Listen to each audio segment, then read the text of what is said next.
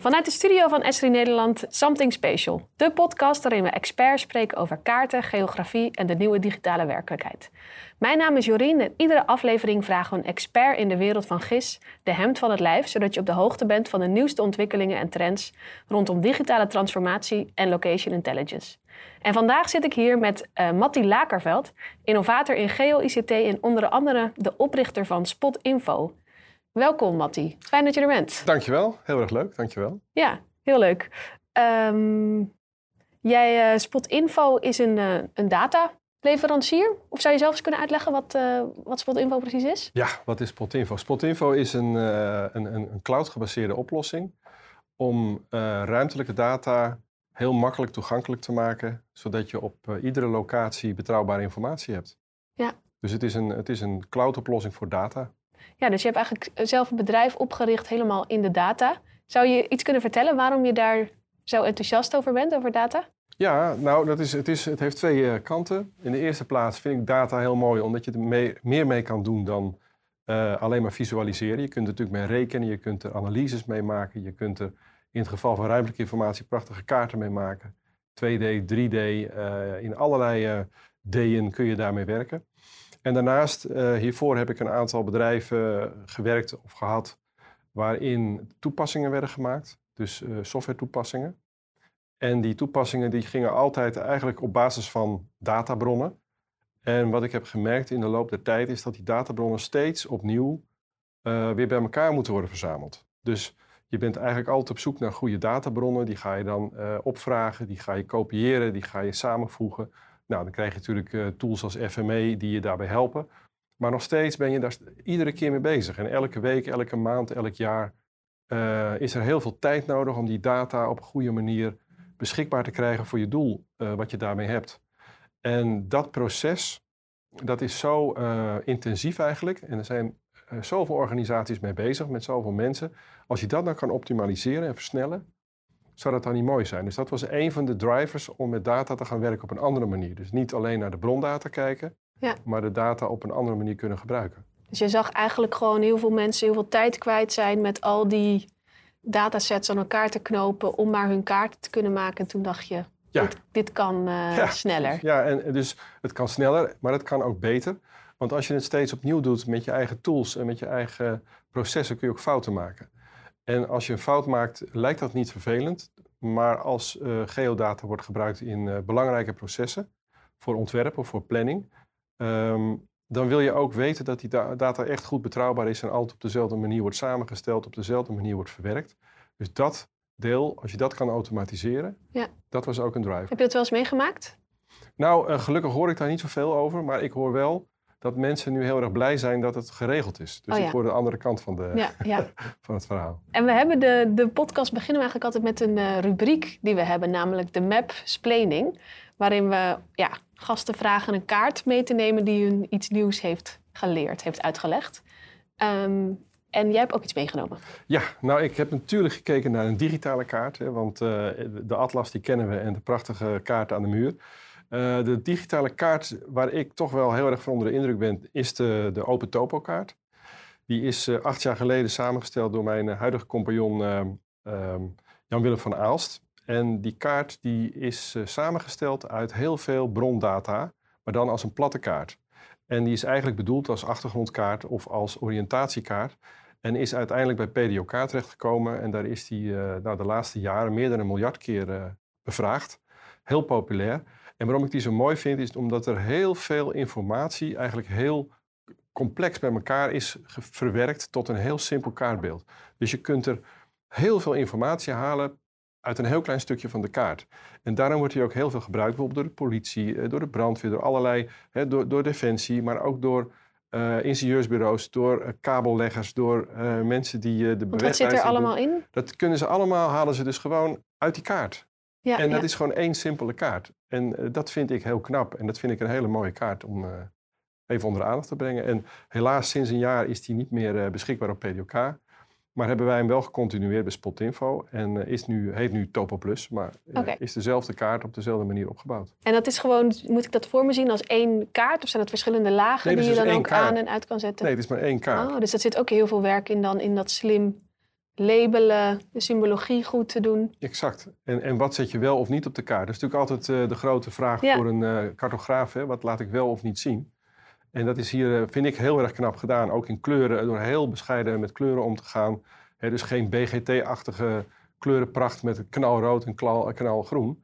Maar op een heel eh, subtiele manier te doen, heb je toch heel veel informatiedichtheid. Ja, ja, want ik vind dat altijd zelf, hoe zeg je dat, als je iets maakt, altijd wel heel ingewikkeld. Want je wil vaak veel vertellen of er veel in stoppen. Maar hoe meer je erin stopt, hoe onduidelijker het wordt. Exact. Om dan eh, daar een goede balans in te vinden. Nou, Ja. dat is natuurlijk ook als je op wintersport ooit bent geweest, dan zie je ook hè, hoe moeilijk het is om een goede kaart te maken van een skigebied. Of een goede kaart van bergen. Of een goede kaart. Oh ja, Om dat goed te doen, ja. dat is echt, dat is echt een, Het is echt een kunst. Ja, Ja. ja.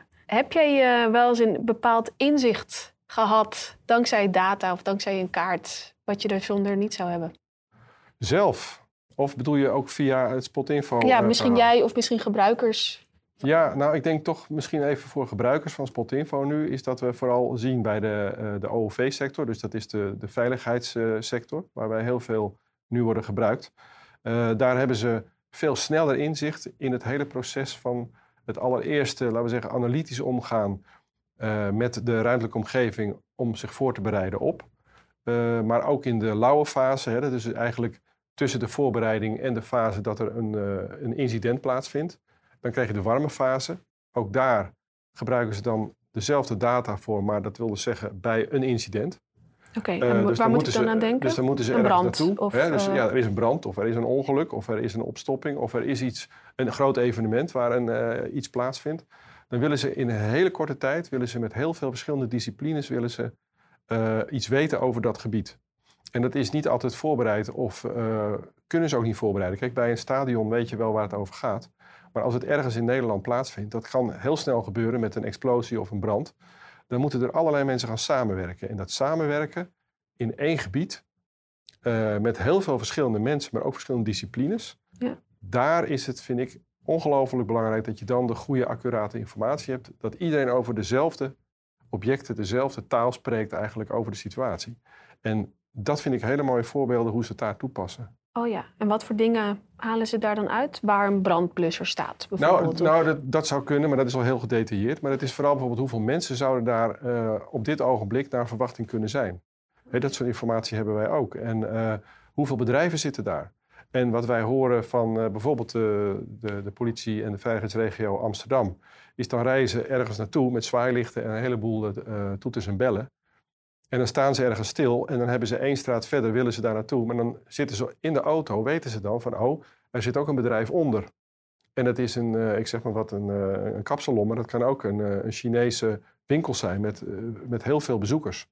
Dat soort informatie, omdat ze dat weten, weten ze ook op welke manier ze moeten het aanvalsplan eigenlijk moeten Ja. gaan uitwerken. Dus het bij elkaar brengen van die informatie is dan cruciaal.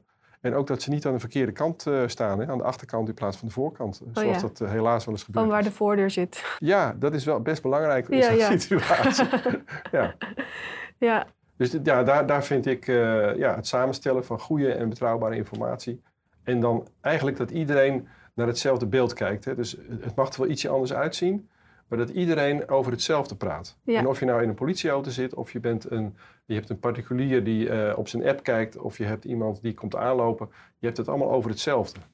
Dat is superbelangrijk. en eh, is er ook nog wel eens, eh, ik kan me voorstellen dat je dus veel met organisaties spreekt die jullie of jullie data gebruiken. Ben je nog wel eens echt verrast geweest van, oh, ik wist niet dat dit er mee kon? Verrast. Ja, nou dat, dat is eh, recent, ook weer met diezelfde kaart die ik net als voorbeeld gaf, hè, de, die, die, eh, die Open Topo eh, kaart. Wat wij helemaal niet wisten is dat in Nederland er heel veel bedrijven zijn die worden ingehuurd voor evenementen of het, het afzetten van wegen, routeomleidingen. Dat zijn van die bedrijven waar je overal mensen ziet staan met oranje hesjes en auto's en grote oranje pionnen. Nou, die hele wereld, die blijkt gewoon volledig te draaien op diezelfde kaart. Dus die, die gebruiken dat continu overal. En dat zijn duizenden, duizenden mensen. Ja. Had ik nog nooit van gehoord en nog nooit begrepen dat dat een ding was. Dus dat vinden wij dan heel erg leuk om te ontdekken. ja, ja. En ehm, ja, waar wij het hier bij eh Estrie ook wel vaak over hebben, is het concept van de digital twin. Ehm, is dat iets waar jij je ook mee bezighoudt? Ja, daar hou ik me wel bezig mee. Ik heb ehm, in de tijd, toen het nog een beetje in het begin in de kinderschoenen stond, heb ik altijd gekeken naar de voorbeelden van Digital Twin. Het komt eigenlijk uit uh, de, de, de maakindustrie, hè? dus de industrie waarin uh, geproduceerd wordt, zoals een vliegtuig of een auto of een, uh, een, een, motor. Nou, in die fase, daar werden eigenlijk tijdens het ontwerp, werd daar ehm, digitale technologie gebruikt, dus eigenlijk CAD-technologie, om dingen te ontwerpen en te optimaliseren. En wat ze daar hebben uitgevonden is als het nou klaar is en het is in productie en je kunt er wat mee doen, dan kun je dat ook in de tweede fase erachteraan, namelijk de beheerfase, dus de, de fase waarin je gebruik gaat maken van dat wat je gemaakt hebt, dat je die fase ook uh, dezelfde data gebruikt. En dat was eigenlijk de digital twin die gebruikt werd. Bijvoorbeeld van een Boeing, dat is de eerste die het hebben toegepast. Mm Het vliegtuig dat vliegt en daar zijn problemen tijdens het vliegen. En dat wordt meteen doorgestuurd eigenlijk naar de centrale van, uh, van Boeing. En daar weten ze dan op het vliegveld waar ze aankomen welke onderdelen ze moeten vervangen. Want dat is oh, verplicht om weer door te kunnen vliegen. Nou, en die digital twin gedachte, dus de beheerfase, die vond ik altijd erg interessant. En ja, dus is eigenlijk dat je niet alleen een, uh, een bouwplattegrond hebt van hoe je het moet maken, maar vooral ook uh, dat je dat daarna nog blijft gebruiken. Exact. En, en een voorbeeld daarvan, hè, dat, dat, is wat wij. Uh, ik heb in de tijd gewerkt bij een bedrijf Bentley Systems die de Olympische Spelen altijd alle gebouwen en de stadia, de stadions die er worden gemaakt, um, dat ontwerpen. Dus dat is altijd, was ik ook mee bezig. En um, dan gebruiken ze eigenlijk de digital twin om bij de overdracht van het ontwerp naar de uh, koper van dat wat ze hebben gebouwd, om dat over te dragen ook. Dus eigenlijk is de koper van het uh, Olympisch dorp, de dag nadat het klaar is, heeft onmiddellijk de beheermiddelen om voor het onderhoud uh, en voor de security om dat te gaan gebruiken. Dus, dus na die ontwerpfase heb je die beheerfase van de digital twin. En daarna krijg je dan de fase van um, de dataverrijking. Dus dan ga je eigenlijk extra databronnen toevoegen om in die digital twin, om het, uh, laten we zeggen, in de omgeving te laten passen. Dus de, de ruimte in context te zetten. Uh, dat is ook de, wat eigenlijk Spot Info doet. En dat vind ik dus het interessante van die digital twin, om verder te gaan dan die beheerfase. Maar dus ook naar die contextfase, zodat je kunt gaan analyseren, dat je kan gaan voorspellen. Ja, wat wat bedoel je met de contextfase? Nou, dat je dus echt de, de ruimtelijke context van iets wat je hebt ontworpen en beheert, dat je die meeneemt in je beslissingen. En die context, uh, dat je dus weet wat er naast het andere pand is, of dat er tegenover ligt, of welke wetgeving er is, of wat er onder de grond zit, of wat er voor bepaalde regelgeving is over de ruimte erboven. Ja. Nou, die context, als je die kan uh, combineren met wat je hebt in je beheerfase, dan maak je dus een enorme sprong, vind ik. En dan is de vierde fase is dan eigenlijk het maken van meerdere digital twins. Dus het connecten van digital twins van andere bedrijven of andere toepassingen. Dus uh, in het geval van tegenwoordig uh, met BIM zou je kunnen zeggen, je haalt de BIM-wereld met de geelwereld samen. Maar je gaat nog een stap verder en je kunt ook de real-time data erbij gaan betrekken. Je kunt ook de data voor analyse en voorspelling erbij gaan betrekken. Um, en als je die samen uh, tot je beschikking hebt, dan kun je ook, hè, wat we nu met AI, is natuurlijk nu ook iets wat, uh, het, het, is een andere naamgeving voor wat we al heel lang doen natuurlijk. Maar nu met de afgelopen maanden, waar iedereen zich gaat realiseren dat als je goede data hebt van allerlei bronnen, is dat als je het gaat combineren, dat je er veel meer mee kan en dat je dus eigenlijk heel makkelijk uh, kunt gaan voorspellen, maar ook het, het werk veel makkelijker kan maken. En ja. die, die analysefase, door het koppelen van digital twins, ja, dat is eigenlijk een beetje de holy grail waar je naartoe wil als je over oh digital twinning praat. De holy grail. En is dit iets, iets wat jij ziet zeg maar, als in wat nu gebeurt of iets waar we in de toekomst naartoe gaan? Nee, het gebeurt nu al. En, en uh, er zijn wat, wat voorbeelden. Hè, bij, uh, de, deze podcast is van Esri. Nou, bij Esri hebben ze een prachtige combinatie gemaakt van uh, de Autodesk-wereld, de, de Esri-wereld. En in een demo hebben we dat afgelopen jaar met het content-team van Esri ook laten zien. Dan hebben we Spot Info uh, databronnen hebben we gecombineerd met de Esri databronnen en met de Autodesk databronnen in één omgeving. En dan zie je dus dat het nu al kan. Hè? En dan kun je dan nog weer een, uh, een, een uh, laten we zeggen, op basis van een puntenwolken en obliekfoto's.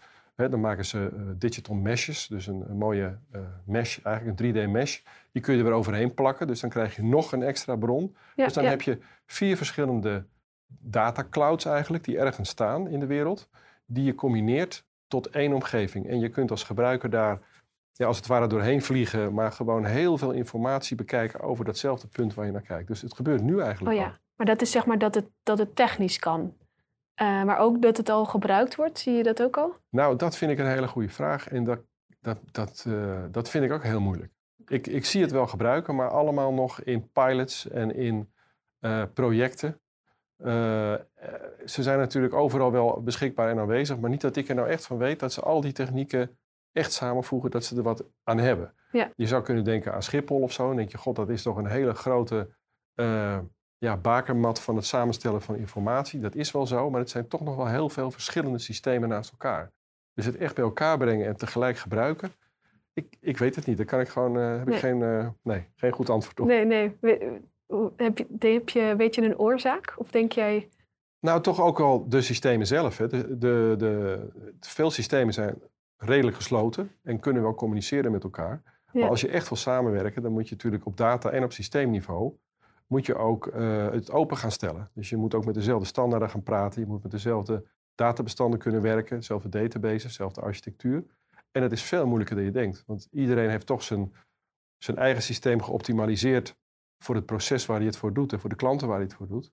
En dat wil niet altijd zeggen dat het ook optimaal is voor de integratie. Ja, komt eigenlijk weer terug op een soort van dat eerste gat in de markt wat jij zag waarom je met Spotinfo bent begonnen, namelijk dingen bij elkaar brengen. Ja, en, en hoe, het, het is super moeilijk, maar als je het eenmaal gedaan hebt, uh, heb je ongelooflijk veel meerwaarde. Ja. Want je hoeft zoveel dingen niet meer te doen. En je hebt het veel sneller tot je beschikking. En ook meteen uh, met één druk op de knop bij spreken heb je het. En ja, ik denk dat daar wel de meerwaarde zit voor het hele proces, ook rond de ruimtelijke data. En je ziet het natuurlijk ook gebeuren hè, bij de Big Five. Uh, als je ziet wat er bij Google gebeurt, er bij Apple gebeurt en wat je ziet, uh, nieuwste ontwikkelingen die er nu zijn. Ja, dat gaat allemaal om het combineren van heel veel databronnen. je ziet nu ook TomTom, Tom, die is natuurlijk ook een beetje die weg aan het opgaan. Het zijn, dat is trouwens een leuke woordspeling.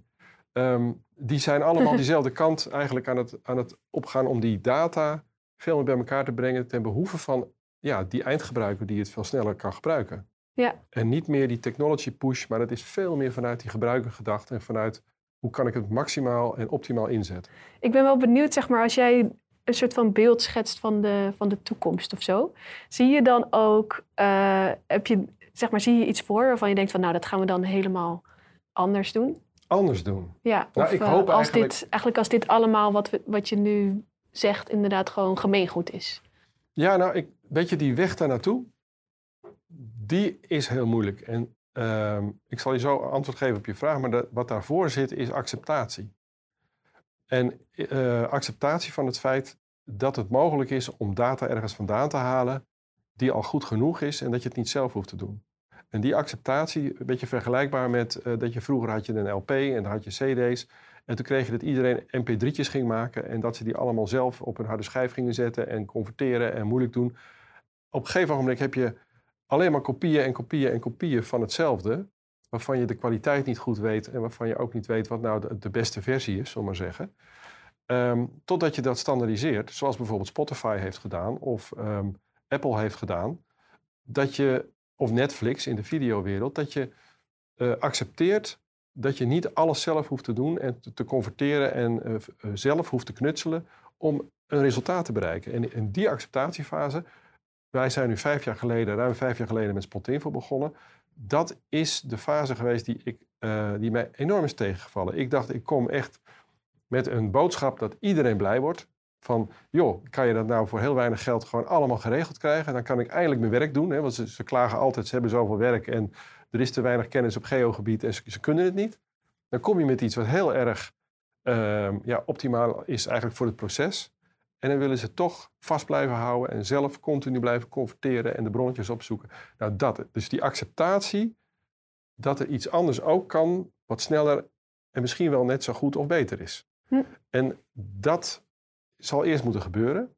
Als die fase voorbij is, en dat zal nog denk ik best lang duren, dan is mijn optimale wens is eigenlijk dat je dan de, de, de data zoals we die nu gebruiken in kaarten en met al die moeilijke toestanden echt helemaal niet meer ziet eigenlijk. Dus die kaart, dat is eigenlijk nog maar één aspect, maar dat is misschien nog 1% van wat je ermee doet. En de rest zit gewoon helemaal in de processen verweven. Dus wat je ook doet, waar je het ook doet, waar je ook bent, je weet gewoon wat er aan de hand is en je weet dat het betrouwbaar is op basis waarvan je kan beslissen. Dat zou Oké, okay, dus dan zou ik niet, ehm, ja, dat vind ik nog een beetje lastig voor me zien. Dus dan zou ik niet op de kaart hoeven te kijken om te zien waar een bushalte is, bijvoorbeeld, maar dat, dat leer ik op een andere manier. Nou, bijvoorbeeld dat je auto erheen rijdt of als je met de bus bent, dat jij gewoon de instructie krijgt omdat de, de toepassing weet waar je naartoe moet Oh ja. en waar het is. Dus die doet eigenlijk die vertaling van die, Die kaart van die lezen kaart. al voor jou. Ja, en dat hoef je helemaal niet meer op elkaar te zien. Ja.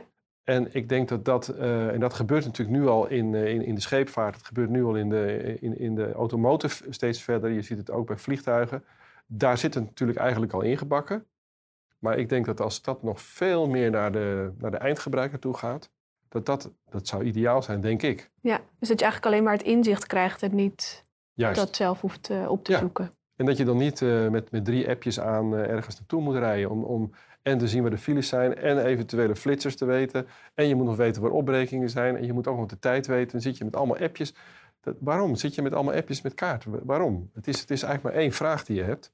En daar wil je een antwoord op. En als jouw auto of jouw trein of jouw whatever je doet, jou daar naartoe begeleidt, is dat toch prima? Dat is wat ik hoop dat er met geodata gebeurt. Maar het zal nog wel even duren, want je moet het ook accepteren nogmaals. En dat kan langer duren dan je denkt. Dat vrees ik, ja. Maar ik ben geen futuroloog, hè. Het is alleen, Nee. eh, je vraagt me wat ik denk. ja, ja.